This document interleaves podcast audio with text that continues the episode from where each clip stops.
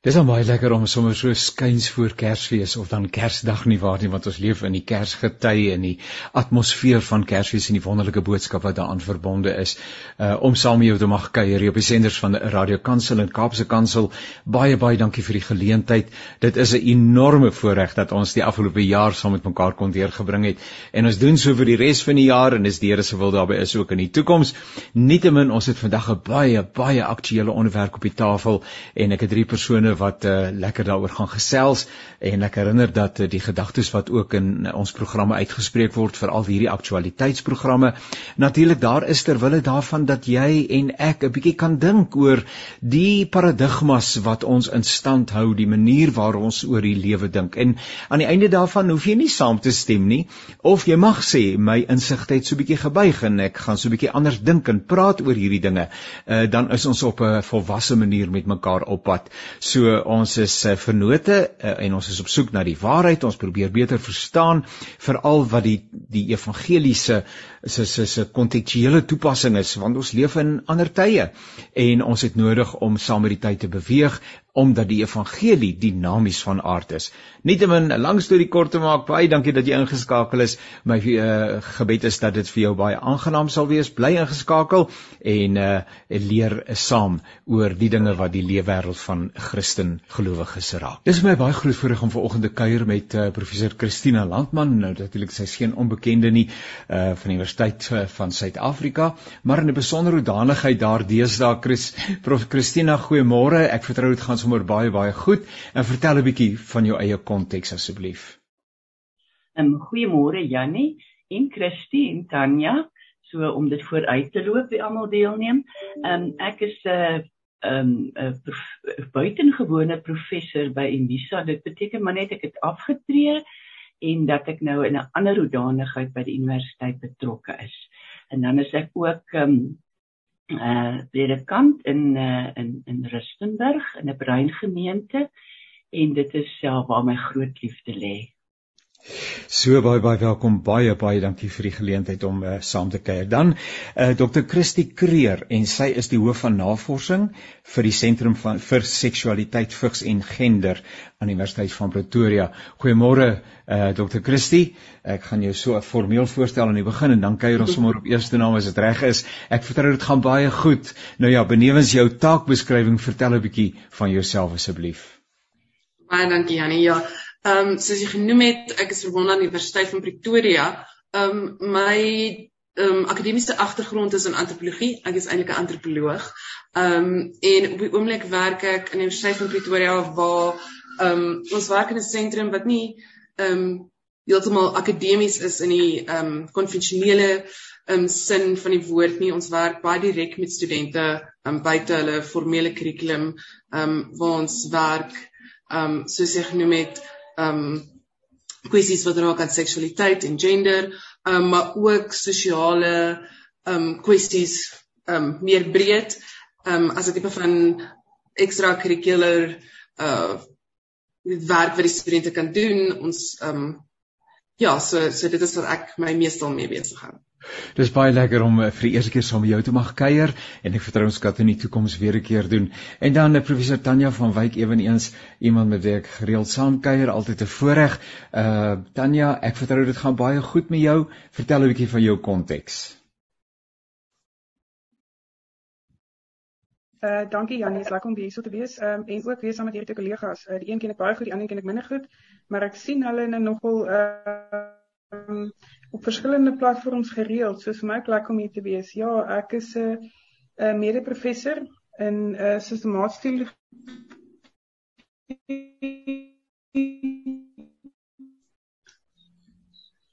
by IP en uh, vir die doeleindes van hierdie baie van my werk is daar is dis etiek en dat ek vir 'n uh, tweedejaars 'n hele semester kursus aanbied oor menslike seksualiteit en daar behandel ek in diepte ehm uh, kwessies van uh, genderdiversiteit, seksualiteit, uh, diversiteit en ehm um, van 'n Christelike perspektief en uh, dit is uh, hoekom ek baie opgewonde is om aan hierdie tipe gesprekke deel te neem. Dankie Jannie. Baie baie dankie. As jy dalk net uh, Tanya effens nader sal sit terwyl van 'n uh, bietjie volume op jou stem en uh, dan breek jy af en toe op. Ek vertrou dat die tegnologie ons uh, dit gaan toelaat om lekker te kuier. Uh, kom ons vat dit van oomblik tot oomblik. Nou, ek dink die saak is dan nou reeds op die tafel. Ek dink ons luisteraars lei af waaroor ons vandag gaan saamgesels en ek haal net hierso aan uh, die misdaadstatistieke wat vroeër van dese maand deur Bekkie Cele, minister van polisie bekend gemaak is. Dui daarop dat vroue en kinders in Suid-Afrika steeds in vrees lewe en dat geslagsgeweld soos 'n tweede pandemie in die land is. Uh dit is uh, natuurlik 'n aanhaling daar. En dan uh, een of twee ander aanhalings volgens die Wêreldgesondheidsorganisasie, dat die jong dat die jongste syfers daarop dat 12,1 uit elke 100 000 vroue in Suid-Afrika die slagoffers van geslagsgeweld is. Die syfer is 5 keer meer as die wêreldwye gemiddeld.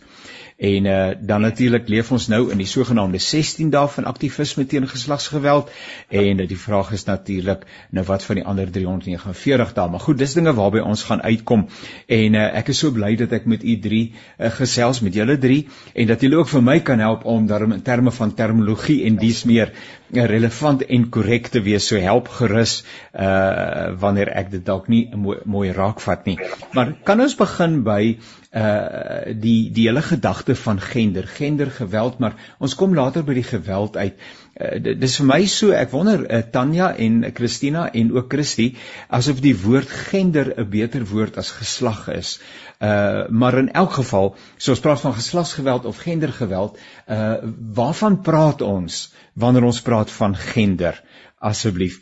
En uh, uh want die tipiese manlike en vroulike rolle is is nie meer so maklik definieerbaar nie. En wat is dan nou die norm aan die hand waarvan ou bepaal wat iemand se gender is? So net om eers dit te probeer oopbreek, dink ek gaan nogal 'n interessante uh gesprek wees. So mag ek mag ek dan by Christie begin asseblief en dan werk ek so om na Christina toe en asseblief help julle vir my en en gesels lekker saam.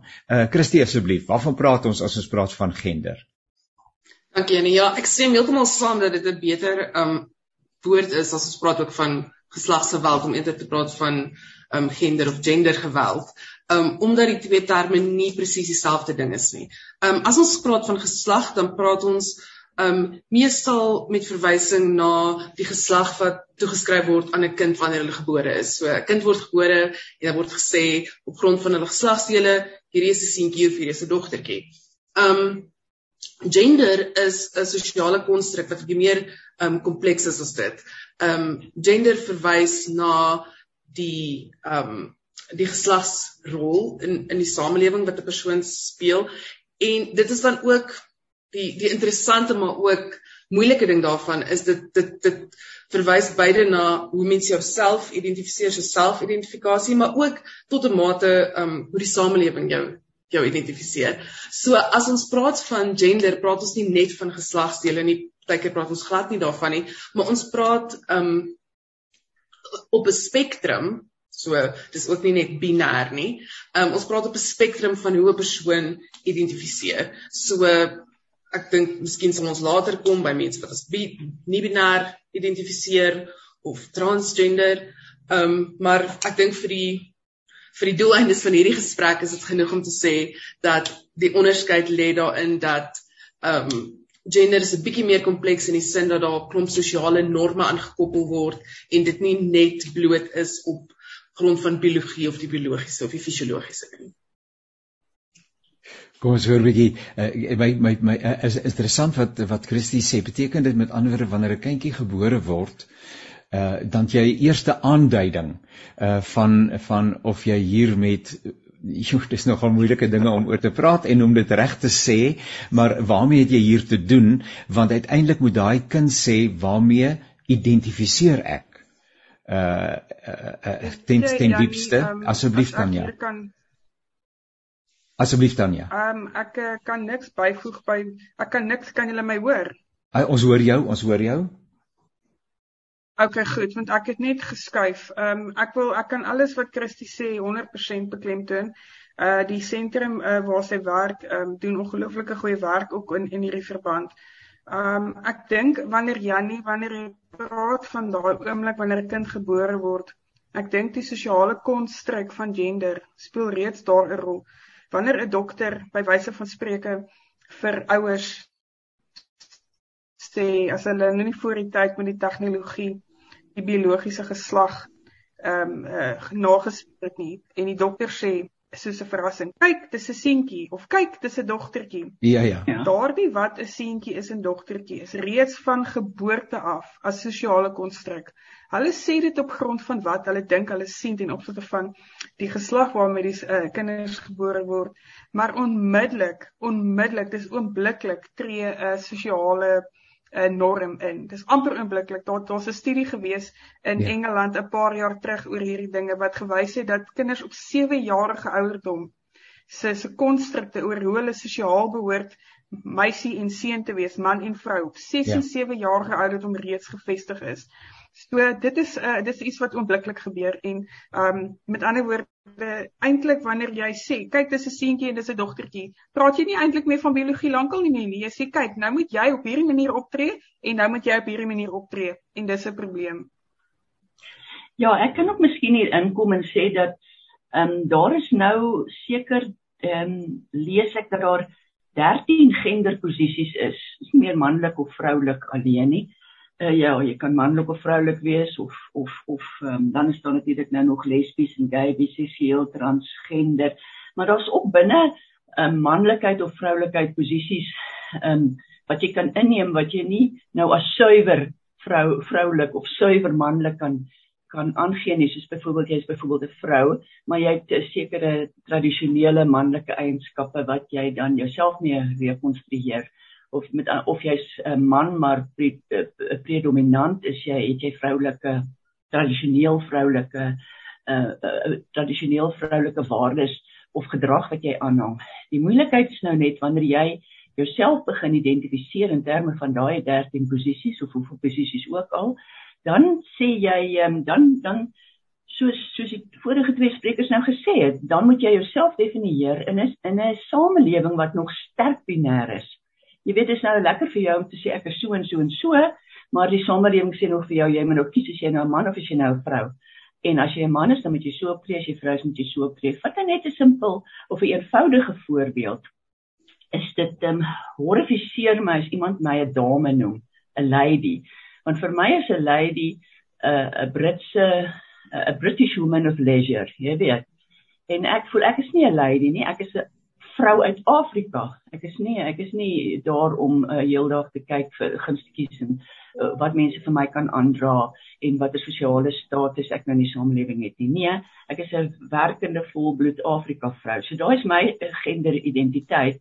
Maar vir my om dit af te dwing, jy weet, want om want daar's weer ander vroue wat wat andersins heeltemal soos ek dink, maar as jy hulle 'n lady noem, dan is dit vir hulle 'n geweldige eer want in 'n vorige bedeling was hulle in in ondergeskikte posisies teenoor vroue vir wie hulle ladies moes noem of of of wat ook al. Ehm um, so daar is uh, soos jy het 'n kans om jouself te definieer in terme van verskeie genderposisies, maar dit is nie so maklik in 'n samelewing waar dit nog nie verander het nie. Sjoe, julle ouens maar dit maak dit nou 'n maar is in die verkeerde woord.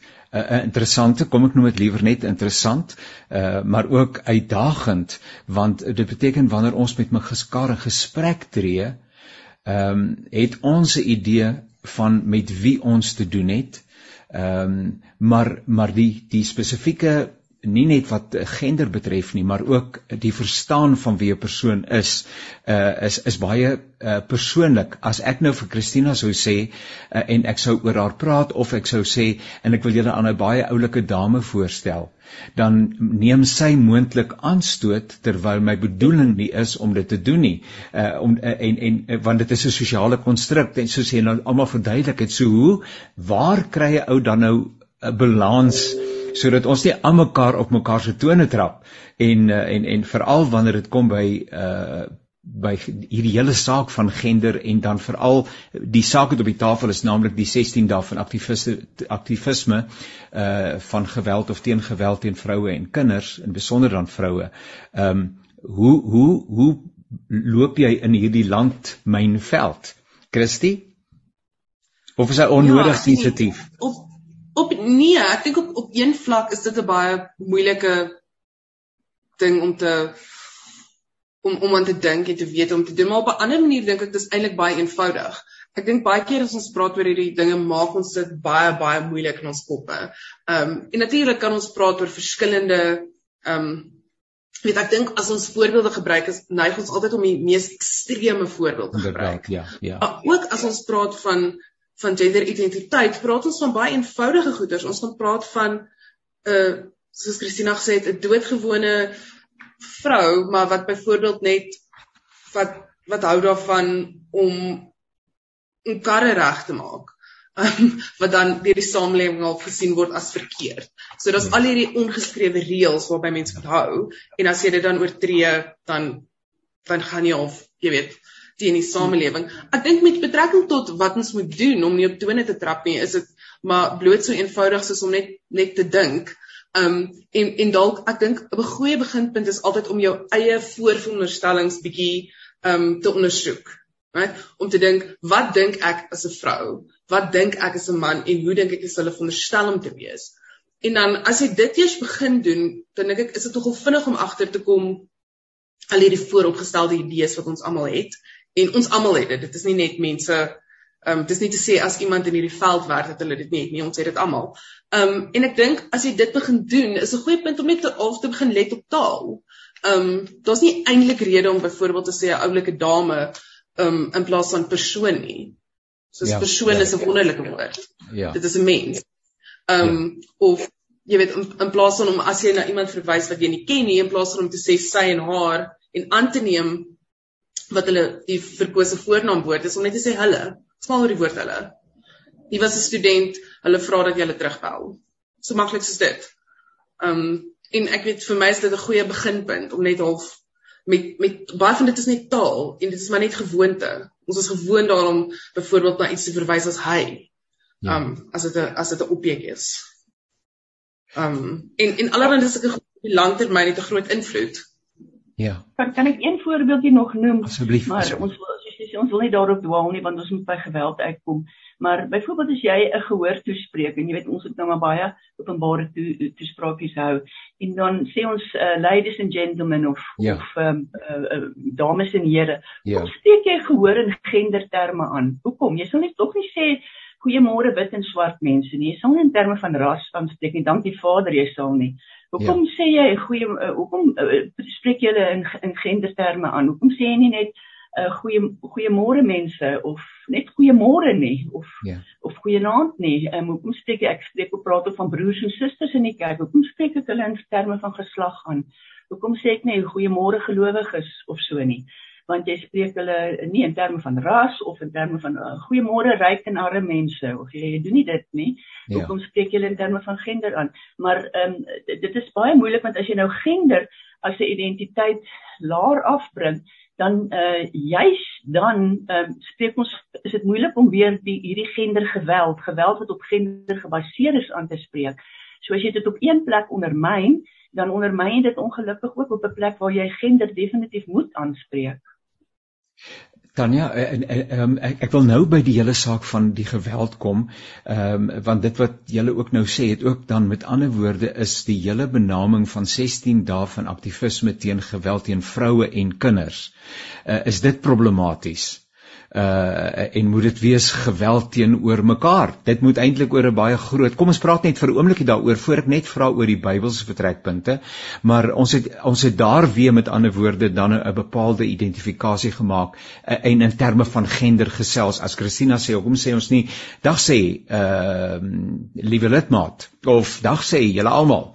Maar nou wanneer dit kom by geweld, dan het ons nou onmiddellik vroue en en en help nou vir my hoekom is dan nou hier uit is dit 'n probleem of is dit nie 'n probleem nie Hoekom ek gaan dit nie oor geweld in Suid-Afrika nie. Dit gaan nie ek bedoel ons nie net vroue wat uh wreedaardig uh aangeraand en verinneweer word nie. Dit vind deur die bank plaas. Ehm um, ja nee, as ek nie daarop kan reageer, ek het nou besluit om my kamera ook af te skakel. So ek dink wat die ander sprekers sê ten opsigte van die taal Ek ja. dink daar is alreeds die skakeling met uh die geweld. Want ja. wat albei van praat wys hoe diep die uh, taal selfs 'n uh, vorm van geweld kan wees. Ja. As jy so diep gewortel is in ons samelewing, doen ons wat Christina sê ons doen. En as gevolg daarvan lei dit tot geweld. Met ander woorde, iets soos 'n taal, 'n aanspreekvorm, 'n onderskeid wat ons maak.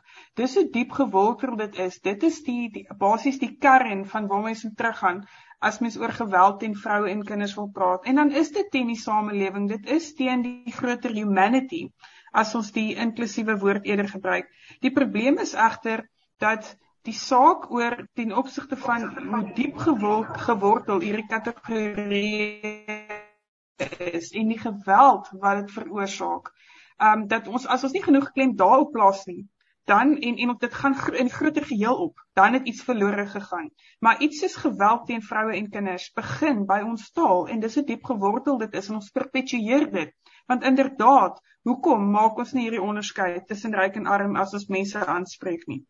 Dit is 'n probleem. So taal raak op die einde 'n instrument van ons geweld voordat ons nog eers by die erge fisiese geweld en die verskillende vorms daarvan aankom. En en dit is hoekom dit nodig is om eintlik by ons taal te begin en en ons ons verwysingsraamwerke voordat ons eers uh, enigsins kan begin uh, dink aan 'n oplossing om die geweld aan te spreek. Kollegas kan ek dan net Asseblief Christie, ja, ja asseblief. Ek wil net vinnig daarbey aansluit en sê, um, ek dink Tanya is absoluut reg. Um en ek dink um Janie, jy is ook absoluut reg as jy sê geweld in Suid-Afrika is nie net teenoor vrouens en kinders nie. Um om die waarheid te sê as mens gaan kyk na die um moordsyfer onder mans, is dit ja. um dit wils in in party jare of kwartaale baie hoër as die moordsyfer onder vrouens. Daar's egter 'n belangrike onderskeid wat ons moet tref tussen geweld en geslagsgeweld of gendergeweld. Ja. Ehm um, en die onderskeid daar is dat daar's geweld wat net is jy slaan jou buurman want jy skwaad vir hom want sy musiek was te hard of of wat ook al en dan die tipe geweld waarvan ons hier praat is geweld wat gerig word teenoor iemand op grond van hulle geslag of gender. So dit is nie net 'n lekrake oomblik van geweld nie. Dit gaan oor die intensie. Ehm um, wat is die wat is die die aanvaller se intensie? Hoekom pleeg hulle die geweld? Um en ek dink dit is 'n belangrike onderskeid in in hierdie 16 dae, maar dan ook die res soos jy sê. So hoekom ja. hoekom pleeg mense daai geweld? Kom ons kom ons uh, hou die Bybel. Ek wil nie sê ons hou uit die gesprek het teendeel. Ek wou vir julle vra net oor 'n Bybelse vertrekpunt, maar kom ons hou hom net 'n bietjie op die ys want ek wil nou dit wat Christine nou gesê het. Hoekom met ander woorde is daar hierdie geneigtheid hierdie uh aaklige ehm um, uh, ja, wat mense dit ook al moet noem om dan nou juis teenoor vroue op hierdie manier op te tree. Op te tree. E, e, maar ek ek Ja, asseblief Christina. Wil, wil ek wil ek juis eintlik die Bybel na die Bybel verwys want Dankie. jy weet dit is baie keer jy weet ek spoor dit in berading as man sy vrou fisies geslaan het sê hou jou neus hier so uit. Dis is 'n myn God en God het my 'n man gemaak en dit is wat 'n man doen. Jy weet dis 'n verkeerde interpretasie van die Bybel moet ek jou regtig waar sê. Daar is in die Bybel baie in die Ou Testament veral baie wette wat lyk of dit vroue die besitting van 'n man maak en dat hy haar kan slaan soos hy lus het maar in die praktyk is dit onwaarskynlik dat dit so gebeur het. Want die verhale wat ons het geweldige uh, verhale van geweldige geweld teen vroue soos in Rigters 19. Maar kyk net na 'n verhaal soos soos die van Rebekka, jy weet sy haar pa vra haar, "Wil jy saam met hierdie slaaf van Abraham gaan om Isak se vrou te word?" Sy daai keuse, sy oef vir die keuse uit, sy sê ja, sy wil gaan. Toe sy vir Isak sien, toe raak hulle twee albei vreeslik verlief en die woord wat daar gebruik word in Hebreëus kom nêrens anders in die in die Ou Testament voorheen was 'n diep liefde wat hulle vir mekaar gehad het. En later is dit Rebekka wat daar net voor Genesis 28 ehm um, sê, ek is nou siek en sat. Ja, weet ek is siek en sat. Dit was nou vir uh, vir eers so baie vroue. Maar ek, ek wonder of ons in die praktyk het ons familiewaardes gehad wat miskien nie heeltemal um uh, deur die wette uh, weerspieël word nie. Ja, vrou het 'n 'n wetlike onderdanige posisie gehad, maar die verhoudings wat ons in die Bybel kry, um, is dikwels die van van geweldige partnership en en en so aan. So, weet jy regtig, ek dink nie ons kan die Bybel um uh, regtig gebruik as as regverdiging vir vir geweld teen vroue nie. uh, alhoewel uh, vroue wetlik baie broos was want daar was ook wette wat hulle beskerm het. So dit is my uh, my standpunt is dat ehm um, vandag se geweld en ek moet jou eerlikwaar sê by in in die gemeenskappe waar ek betrokke is, is die geweld meer van kinders teen ouers omdat kind vir kinders wat uh, geld wil hê vir vir dwelms, jy weet, ons het geweldige probleme met kinders wat wat ouers aanhou met messe en wat ook al of en hulle die ouers is absoluut bang vir die kinders. Ehm um, daar is 'n 'n groot probleem daar. So ek sou sommer met jou stem as jy sê ons moet geweld in die algemeen praat. Ehm um, want uh, ons het geweldige geweld van kinders teen ouers. Ehm um, dit is nou maar net my 1 sent. Nou nou Tanya, uh, Christine het my nou verlei om nou weer om tog wel terug te gaan na die Bybel en 'n vraag wat ek wou vra. Uh, en dit is uh, ek reg aan die begin van die Bybel, net om weer terug te kom by gender, sê dit tog nou en so sou baie mense redeneer, God het hulle man en vrou gemaak. Dit was die dis die interpretasie. Is die interpretasie uh met ander die skrywer uh, wat die verhaal neerskryf, wat die ge gebeure neerskryf, wat die teologie verwoord, uh, lê die probleem alreeds daar? Is dit kontekstueel heel bepaal uh, binne daai bepaalde konteks maar ons moet dit herinterpreteer in ons eie dekonstrukt in ons eie konteks. Ehm um, die beskrywing van manne julle moet julle vroue lief hê. Vroue julle moet ensovoorts. Daai al daai man vrou God is die Vader uh ensovoorts ensovoorts. Help my net gou-gou 'n bietjie daarmee Tanya. Hallo Tanya. O, oh, Tanya is nou eers weg. Nou ja, Christina, jy's die teoloog, so nou moet jy maar vir ons help vat asseblief. Ja, ek weet nie, ek dink ehm um, uh soos ek nou net gesê het, um, ek word regtig eintlik 'n bietjie opstandig as mens die Bybel so gebruik, want jy het hierdie verhale ja. van mense wat regtig lief was vir mekaar, soos Jakob vir Rachel. Maar dieselfde het jy nou nou weer vir Leah wat wat nou nie uh, so goed behandel is soos soos en dat Jakob eintlik soort van amper gedog het hy die reg om vroue te behandel soos wat hy wil, dat hy meer as een vrou kan hê. Dan is daar, jy weet dan is daar hooglied wat wat wat meerendeels uit 'n vroulike stem, is dit 'n vrou se stem wat daar praat in hooglied. Wat gaan oor om die lewe te geniet en ek dink dat ons wanneer ons die Bybel uh, lees, moet ons praat oor verhoudings waar man en vrou mekaar uh, geniet het en dat dit eintlik een van die waardes is van van verhoudings is dat dit moet lekker wees. Ehm um, en uh en en jy weet uh, ek soos ek sê vir my is die Bybel nie 'n boek wat jy kan gebruik om te sê maar vroue nee. Nee nee nee, kom nou hierso. Ons julle moet in 'n mindere posisie wees nie. Kyk nou in die Nuwe Testament hoe Jesus vroue behandel het. Kyk na die die eerste stigters van gemeentes was vroue gewees, Lydia en so aan in Romeine eh, is dit Romeine 16 dan groet Paulus die vroue in Rome en nie meer in uit die 17 mense wat hy groet is 9 van hulle vroue wat in hoë posisies in die gemeente was. En uh weet jy wat my grootste vrees is is eintlik as ons nou weer die Bybel anders lees en ook na die vroue se stemme daarin luister en en sien hoe hulle die lewe gesien het en geniet het dat ons dan nou weer anti-man sal word jy weet en sê kyk na die mans is nou sulke verdrukkers en onderdrukkers. En dit is nie dit bring ons ook nêrens uit nie.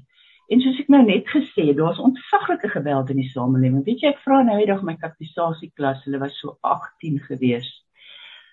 Ehm um, nou het, het julle al ge, geweld gesien buite nou op TV, maar om julle het almal gesê, weet hulle is wat is hulle 15, 16 jaar oud, het almal gesê geweld en party daarop eintlik wou eintlik daarop sien geweld in hulle huis gesien. So geweld is oral en ek dink ons moet dit um, nie in hierdie slagoffer uh, uh mans is die perpetrators en vroue slagoffers moet ons dit doen nie. Ons kan ook nie die Bybel daarvoor gebruik nie, maar ek dink ons moet geweld aanspreek. Wat maak mense so seer dat hulle ander mense seer seer maak? So vir my sal die twee beginsels wees om om geweld te hanteer. Die een is om te sê maar uh, te kyk regtig na mense se pyn en waarom doen hulle hierdie goed en die ander ene uh, is dan om hulle op te roep tot verantwoordelikheid jy weet um, uh dat hulle uh, dat mense verantwoordelikheid sal neem uh en die gevolge sal besef van die geweld wat hulle doen.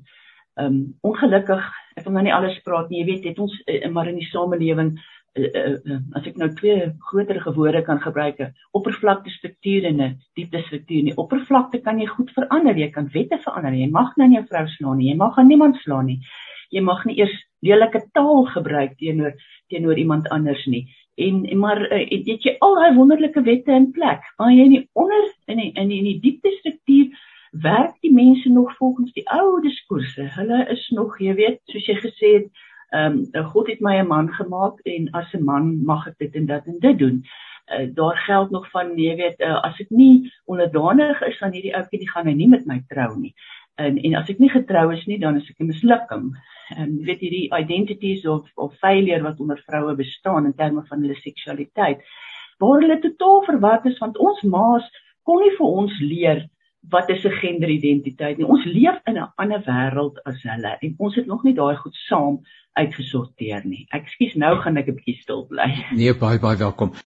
Nou professor Christina en uh professor Tanya en dokter Christie uh die 16 dae van aktivisme uh met betrekking tot geweld teen vroue dan in die besonder. Dit lyk nie asof dit werk nie want uh die voorkoms van geweld teenoor vroue, as ons dan so kan gesels, is verstommend en kommerwekkend. Uh en ehm um, maar die inisiatief kom al baie baie jare ver. So waar moet 'n ou die fout gaan soek of is die eerste dinge wat aangespreek moet word, dis nie op die tafel nie. So ons probeer uh, een van julle het gepraat van oppervlakte struktuur en 'n diepte struktuur. Is dit die probleem? Help asseblief Christie, Christie, kom ons begin by jou. Ehm um, ja, dis presies wat ek hierdie idee van die oppervlakte struktuur um, versus die diepte is presies wat ek wil opbring. Ehm um, ek dink ek in die eerste plek die die, die 16 dae van aktivisme is nie 'n Suid-Afrikaanse inisiatief nie, dit is wêreldwyd um, word dit gevier. En ek dink tot 'n groot mate is dit deel nie van die probleem nie, maar ek voel dit om die spesifieke probleme in 'n samelewing effektief aan te spreek, moet jy moet jy spreek tot die probleme van daai spesifieke samelewing. Right, so ehm um, ek dink wat baie keer gebeur met 16 dae van aktivisme is is eintlik maar 'n tipe van politiekery. Um, en ek bedoel dit nie net in die in in die sin van partytetiek nie. Ek sien dit oral soos as ons hier in Oktober kom, dan kry ons sentrum skielik verskriklik baie versoeke van ehm um, media of ehm um, ja. nuusbriewe maatskappye om vinnig, soos kan ons vinnig 'n opinie stuk skryf. Kan, kan ons net vinnig dit of vinnig dat. En ek ek dink dit is deel van die van die probleem. So dit is hierdie oppervlak en dit is baie maklik om die probleme uit te wys. Dis nie dis nie moeilik nie. Ehm um, wat moeiliker is is om die antwoorde te kry. Ehm um, en ek dink dis dis deel van die probleem. Ons ons spreek nooit eintlik die die die wortel van die van die probleem in die samelewing. Ek dink nie daar's net een nie. Ons spreek dit nooit eintlik aan nie. So daar's nie 'n rede vir enigiets om te verander as ons nie enige strukture verander nie. Ehm um, want hoekom sou dit dan net verander? Ek ehm um, ek wil daarbey aansluit ehm um, baie sterk as ek mag. Ehm uh, die probleem is in baie opsigte dat uh die veld die veldtogte teen gendergeweld en geslagsgebaseerde geweld uh, oefening word in politieke korrektheid. Dis 'n geweldige probleem. Want dan beteken dit dat die oppervlak inderdaad dit wat in die in die in die op op die grond plaasvind nie aangespreek word nie. Dis hoekom jy een keer 'n jaar solank jy ek dink nou as jy in die oggend opstaan, jy jy is die hoof van 'n maatskappy of 'n organisasie en jy moet 'n klomp bokse tik vir bemarkingsdoeleindes. Ehm um, en jy kan sê maar ten minste ergens in jou beleid nê nee, het jy nou hier in hierdie sinnetjie ingeskryf en het jy nou hierdie veld tog gevoer. So jy tik daai boks. Kan jy asseblief daai geld kry want ek is nou inklusief en ek het nou die regte taal gebruik en wat is jou probleem? Ek doen al die regte goed. Dis dit is die probleem. Dit het 'n politieke korrektheid ingegaan wat 'n geweldige probleem is. En die ander probleem dink ek is iets wat Christina net gesê het ten opsigte van wat sy uitgelig het. Is dat die oomblik wanneer mense op 'n groep begin uh, klink plaas nie soos wat ons oor in die samelewing oor oor so hard probeer om die situasie van vroue uit te lig. O nee, dan is jy dadelik anti-man. Dit is 'n geweldige konseptuele filosofiese you name it, 'n teologiese probleem. Dit is alle tipe probleme. Hoekom as ek ter wille van een groep 'n advocate is, is ek outomaties teen 'n ander groep? En die wortel van dit, Jannie, is binêre denke. Ons dink te veel binêr oor alles, nie net oor man en vrou en geslag nie, alles. Wit en swart, goed en kwaad, dis die probleem en ek dink dis hoekom ons nie vorder nie. Dis 'n politieke oefening in baie opsigte 'n tickbox soos wat ons dikwels sê, 'n tickbox oefening, 'n tickbox exercise. So jy het dit getik, jy kan aangaan met jou lewe, het nou 16 dae hier aan spandeer. Nou is alles oukei. Okay. Dit is 'n geweldige probleem. Uh want dit beteken die die die die die saak wat onderliggend is word nie aangespreek nie. Ek mag inkom Janie. Net kortliks. Ehm um, jy weet, ehm um, geslagsgeweld vind plaas in intimate spaces, in ehm um, intieme ruimtes waar wette en veldtogte so 16 dae van aktivisme nie bykom nie. Daai ruimtes word eintlik beheer deur ander goed soos die behoefte om 'n uh, uh, deel van 'n koppel te wees, die uh, behoefte om um, om in die samelewing nie bekend te staan as 'n as as 'n enkel vrou of iemand nie 'n man kan kry nie. Um, die behoefte om nie as anti-man um, uitgekry te word nie. So dit is baie moeilik vir wette om daai spasies eintlik uh, te beheer. Tussen hakies ek wil net sê die statistieke wys nogal snaaks genoeg dat vroue wat die meeste aangerand word, uh, enkel vroue is, vroue wat nie in vaste verhoudings is nie, of dit nou 'n huwelik is of 'n ander soort vaste verhouding nie, dat hulle besonder ehm um, ek weet ons sê altyd die huwelik is heilig, maar dit is nie veilig nie. Maar eintlik is dit enkel vroue wat die meeste aangerand word want hulle um, gaan in verhoudings in of in gaan in in in vinnig vinnige kortstondige verhoudings in waar hulle baie baie weerloos is. Nou al daai goeters het het is nou oor en oor genoem. Um, kan ons nie met wette beheer nie en moet ons beheer deur wat watter tipe van geslagsidentiteite, genderidentiteite is is daar beskikbaar vir vroue en hoe gaan ons dit herdefinieer? want ons kon daai goed nie by 'n vorige geslag eintlik leer nie. Hulle het maar net stil gebly daaroor. So dit is die uitdaging ons om anders te praat oor ehm um, geslagtelikheid, oor oor intieme verhoudings en en en en vroue sterk te maak in intieme verhoudings maar sonder om hulle uh, sonder dat hulle nou daai identiteit kry as 'n anti-man feministiese dit en dat wat dan beteken dat hulle ook uitgesluit word van intieme verhoudings. Is is hierdie goed iewers ek vra 'n deel van 'n eh, dit klink vir my asof die totale samelewing heropgevoed moet word. Ehm um, om op die regte manier uh, uh, uh, Tony jy het gesê die taal is al gewelddadig wat ons gebruik.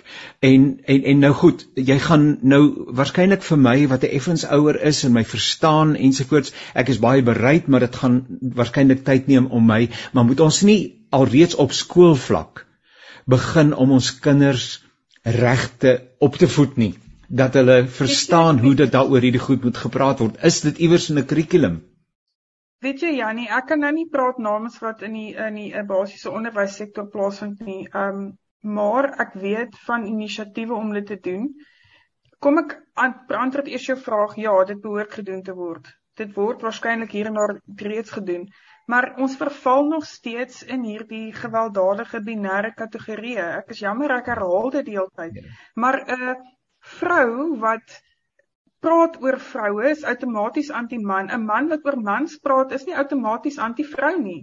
Dit is 'n probleem. Waar kom hierdie goed vandaan? En daar's 'n studie wat um, ek verwys in dieselfde studie wat ek doen het met my studente wat 'n psigoloog of 'n sielkundige ek dink uh, amper uh, seker 5 6 jaar terug gedoen het en en dit is daai studie wat die gewys het dat die kinders op 6 en 7 jarige ouderdom hulle kategorie alle gender kategorieë en wat 'n man en 'n vrou behoort te wees en hoe hulle teenoor mekaar optree volledig gevestig is. Daai studie het ietsie uitgewys, ja, nee, dit kom nie van daai kinders af nie. Ek so, so Christie moet ons iets in. Christie moet ons so, met ander, Hoe moet ons met ander woorde 'n uh, nuwe as ek weet nie of hier woord neutraal eers die regte woord is nie, maar moet ons glad nie meer in terme van manne en vroue praat nie. Is dit die oplossing dat ons praat van persoon?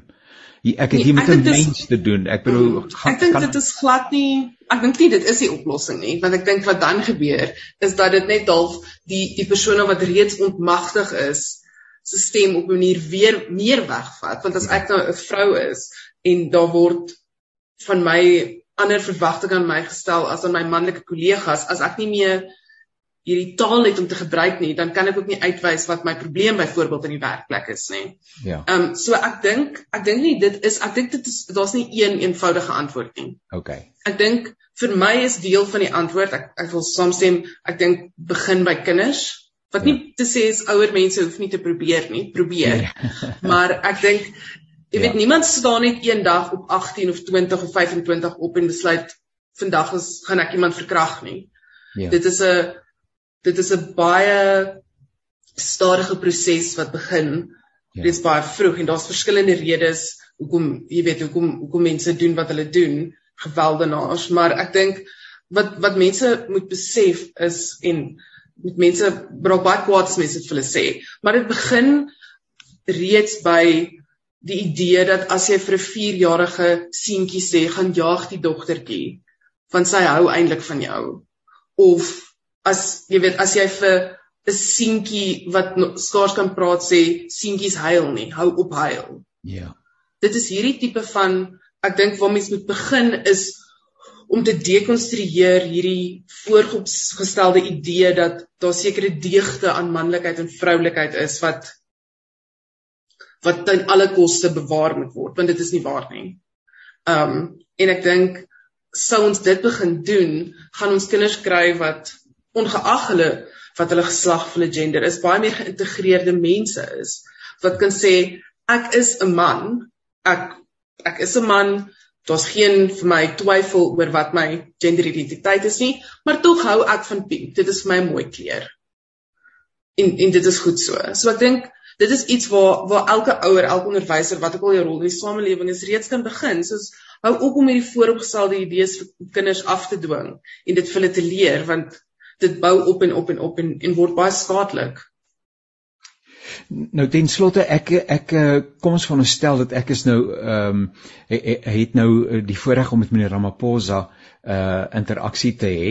En ek vertel van van hierdie program wat ons uitgesaai het. En hy sê ek hou dis nou meneer Ramaphosa ek benoem onmiddellik vir uh, hierdie drie persone wat deelgeneem het aan die program vir prof Christina en dokter Christie en prof Tanya op 'n spesiale komitee wat my moet adviseer oor die pad vorentoe.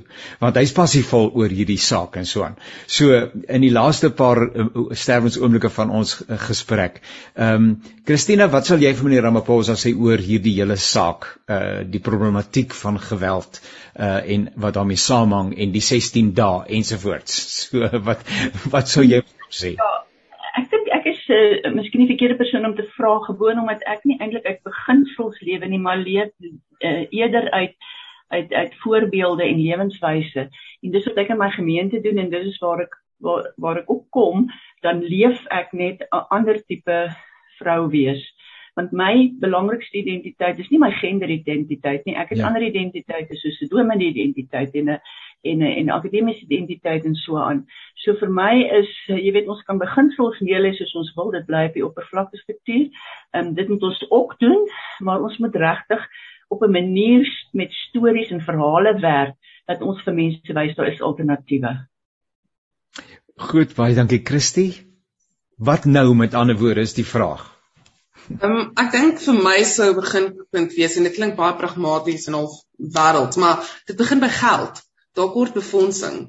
Ehm um, vir baie baie jare was daar aktivistiese veldtogte in Suid-Afrika omdat daar nie eers 'n aparte ehm um, ministeriële afdeling was um, om om geweld aan te spreek nie. Ehm um, en ek dink dit is absoluut waar dat mense met in gemeenskappe ingaan alternatiewe wys en navorsing wys dit werk om te gaan um met interventions as ons op Engels sal sê ja. te doen, maar daarvoor het jy geld nodig. Daar's nie net mense wat wat um jy weet net uit hulle eie uit kan bekostig om in 20 of 30 of 50 gemeenskappe kan ingaan en regtig soos grootskaalse interventions te kan lei nie. So ek dink so so simpel soos wat dit mag klink, die eerste punt vir my is daar moet befondsing wees vir vir organisasies wat hulle beywer vir die einde van van geweld um sodat hulle hulle werk kan voortsit en daar is baie keer net eenvoudig nie geld nie. Christie baie dankie Tanya jy's nou op hierdie 3 persoon komitee amper sê ek drie man komitee en dis ek amper weer nie met hierdie drie persoon komitee. Uh en uh wat sou jy sê wat nou? Wat is die volgende stap? Uh behalwe opgee wat ons nou nie kan doen nie.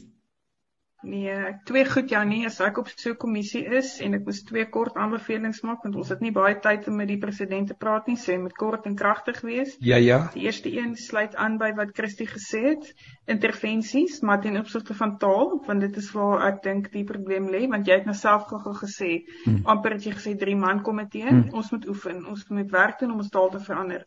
Die ja. tweede ding is wat ek sal sê is dis tyd om uh, vir die manlike feministe. Hoe dit ook al klink kategories om op te staan en te praat asseblief.